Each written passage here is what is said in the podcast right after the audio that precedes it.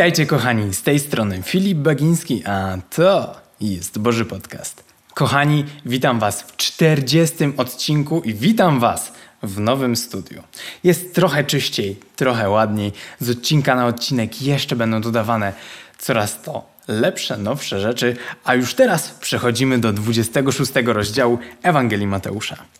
Po skończeniu wszystkich tych mów, Jezus powiedział do swoich uczniów: Wiecie, że za dwa dni jest Pascha. Właśnie wtedy syn człowieczy zostanie wydany na ukrzyżowanie. Tutaj zwróćmy uwagę na to, że Jezus mówi o sobie. On mówi, że on pójdzie na krzyż. Uczniowie jeszcze tego nie wiedzą. Może się domyślają lekko, ale raczej sądząc po ich późniejszych reakcjach, nie za bardzo myśleli może, że to będzie dużo, dużo, dużo później. A Jezus mówi: Ej, już za dwa dni przygotujcie się. W tym czasie arcykapłani oraz starsi ludu zebrali się na dziedzińcu arcykapłana Kajfasza. Uradzili, żeby Jezusa podstępem schwytać i zabić. Tylko nie w czasie świąt, zastrzegali, aby nie doszło do zamieszek wśród ludu. Hmm, to jest ciekawe, że Jezus mówi o tym, co ma się wydarzyć w przyszłości. Ciekawe, że wie dokładnie, co się wydarzy z nim w przyszłości. Dopiero jak on to powiedział, to oni zaczęli, w sensie ci arcykapłani oraz starsi ludu, oni się dopiero wtedy zebrali i uknuli ten plan. Ciekawe, ciekawe.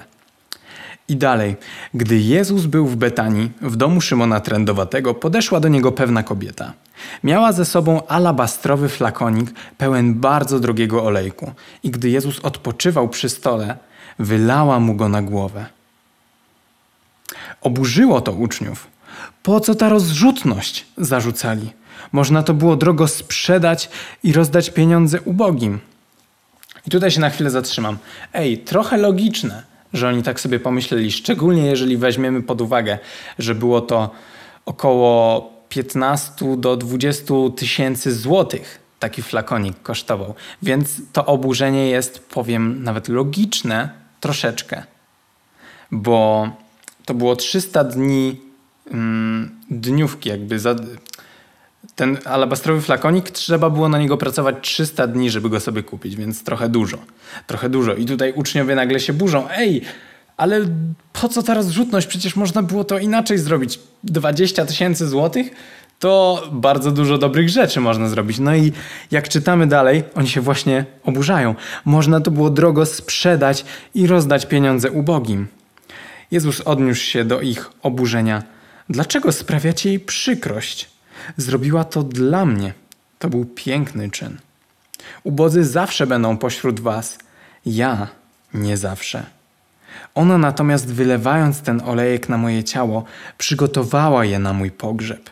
Zapewniam was, gdziekolwiek na świecie będą głosić dobrą nowinę, opowiadać będą także o tym, co uczyniła na jej pamiątkę. To jest ciekawe, że głównym człowiekiem, który się tak burzył, ej, po co ta rozrzutność, był wiecie kto? Był Judasz. On, z Biblii możemy się dowiedzieć, że Judasz trzymał jakby taką sakiewkę. On był takim, ojej, jak to się nazywa? Skarbnikiem. W podstawówce był skarbnik. Był takim skarbnikiem całej grupki.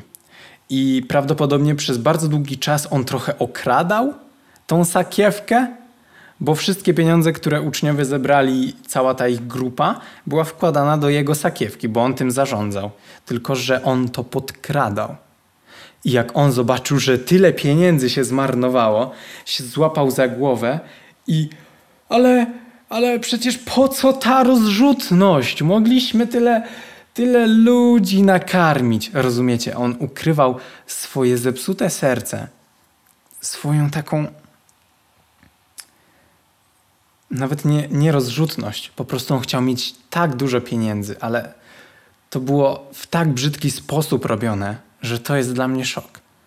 Bo on przykrywał się tą świętością, nazwijmy to, tylko po to, żeby mieć więcej pieniędzy do wydania. Tyle pieniędzy zostało zmarnowane, po co? Bla, bla, bla. Jezus go bardzo dobrze wyjaśnia.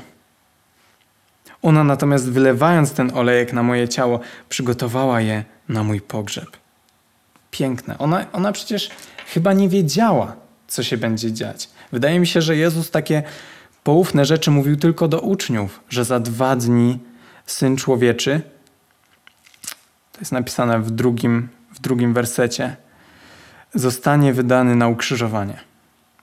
Myślę, że ona tego nie wiedziała, ale prawdopodobnie Bóg prowadził ją i namaściła ciało Jezusa na jego śmierć. I dalej, wtedy jeden z dwunastu, Judasz Iskariot, udał się do arcykapłanów i powiedział: Co mi dacie za to, że wam go wydam? Widzicie to? To tak go uderzyło, że stracił tyle pieniędzy. Stracił tyle pieniędzy, przecież to nie było jego. Ale nieważne, może ten człowiek miał. Okej, okay. Myślę, że nie powinniśmy go tak osądzać. Po prostu czasem nasze wybory nie są do końca logiczne i myślę, że akurat ten wybór w ogóle nie był logiczny. W sensie możemy go usprawiedliwić, ale czy był mądry? Mm-mm. On stracił tak dużo pieniędzy, że pomyślał, nie, i to go tak strasznie bolało, aż w końcu poszedł do tych arcykapłanów i powiedział: Co mi dacie za to, że wam go wydam? Oni zaś odważyli mu 30 srebrników, a 30 srebrników to było mniej więcej takie czteromiesięczne wynagrodzenie najemnego robotnika. Więc trochę to było, ale bez przesady. To nie było aż tyle, żeby ten flakonik sobie kupić, na przykład za to. Odtąd szukał on dogodnej chwili, aby wydać Jezusa. Jeny współczuje Judaszowi. W takim sensie przecież miał przy sobie Boga.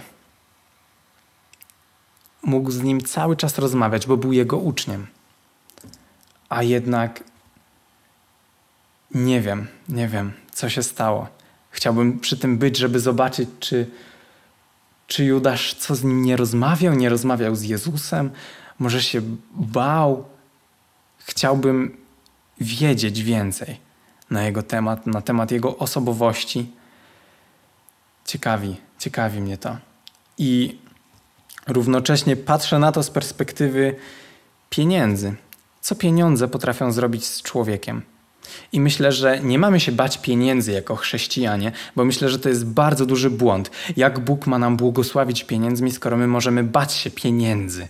W sensie, nie, nie, nie, nie, nie, dużo pieniędzy to nie, absolutnie nie, bo, bo, bo pieniądze to zło, ja nie chcę być zły, mam mieć tyle, żeby mi starczyło, ale jak mamy wtedy pomagać innym? Jeżeli nie będziemy błogosławieni przez pieniądze, bo podobno są złe, jeżeli ta kobieta, która wylała ten flakonik na Jezusa, nie miałaby wystarczającej ilości pieniędzy, żeby kupić lub zrobić ten alabastrowy Mm-mm-mm. Ten płyn. Gdzie to jest? Alabastrowy flakonik. Jeżeli nie miałaby pieniędzy, jak ona by to kupiła? Jak ona by mogła uświęcić, uświęcić jeny? Nie, nie to słowo, nie to słowo. Zaraz tutaj jest napisane. Mm-mm-mm.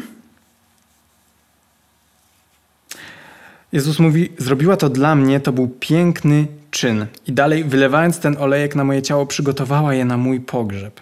I myślę, że Jezusowi to się bardzo podobało. Nie w takim sensie, o, ktoś mnie ubóstwia. Jeny to był Bóg. On nie potrzebuje nic więcej. A jednak to, że ta kobieta poddaje się mu w pełni miłości, to było, to było piękne. Wiecie, mi na przykład nie jest tak łatwo nagle oddać coś, co nie wiem, na co musiałbym pracować cały rok albo prawie cały rok. Gdybym miał oddać te wszystkie moje sprzęty, na przykład, to byłoby dla mnie trudne.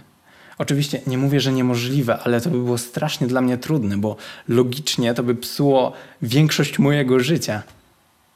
Może tak też było u tej kobiety, że to była jedna z najcenniejszych rzeczy, które miała w domu.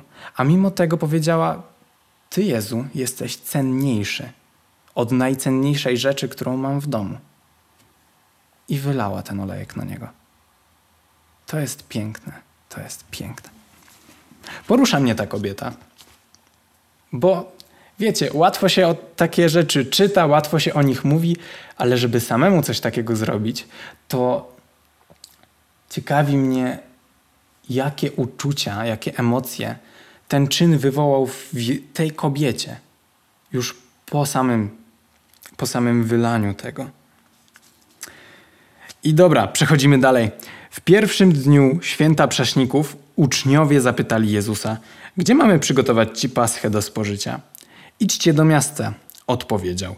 Do znanego nam człowieka i powiedzcie, nauczyciel mówi, zbliża się mój czas. Chciałbym u ciebie urządzić paschę z moimi uczniami. I tutaj znowu patrzymy na to, że ej, Jezus mówi, że zbliża się mój czas. Już druga taka wskazówka. Najpierw mówił uczniom, że za dwa dni, teraz do tego ich kolegi, przyjaciela, do znanego nam człowieka, do znanego im człowieka, mówi, że jego czas już się zbliża i chciałby urządzić u niego paschę. I to jest, kochani, koniec fragmentu na dziś. Dziękuję, że jesteście z nami.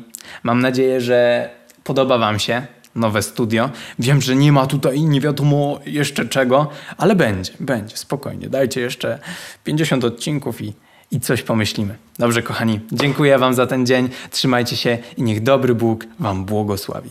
Amen.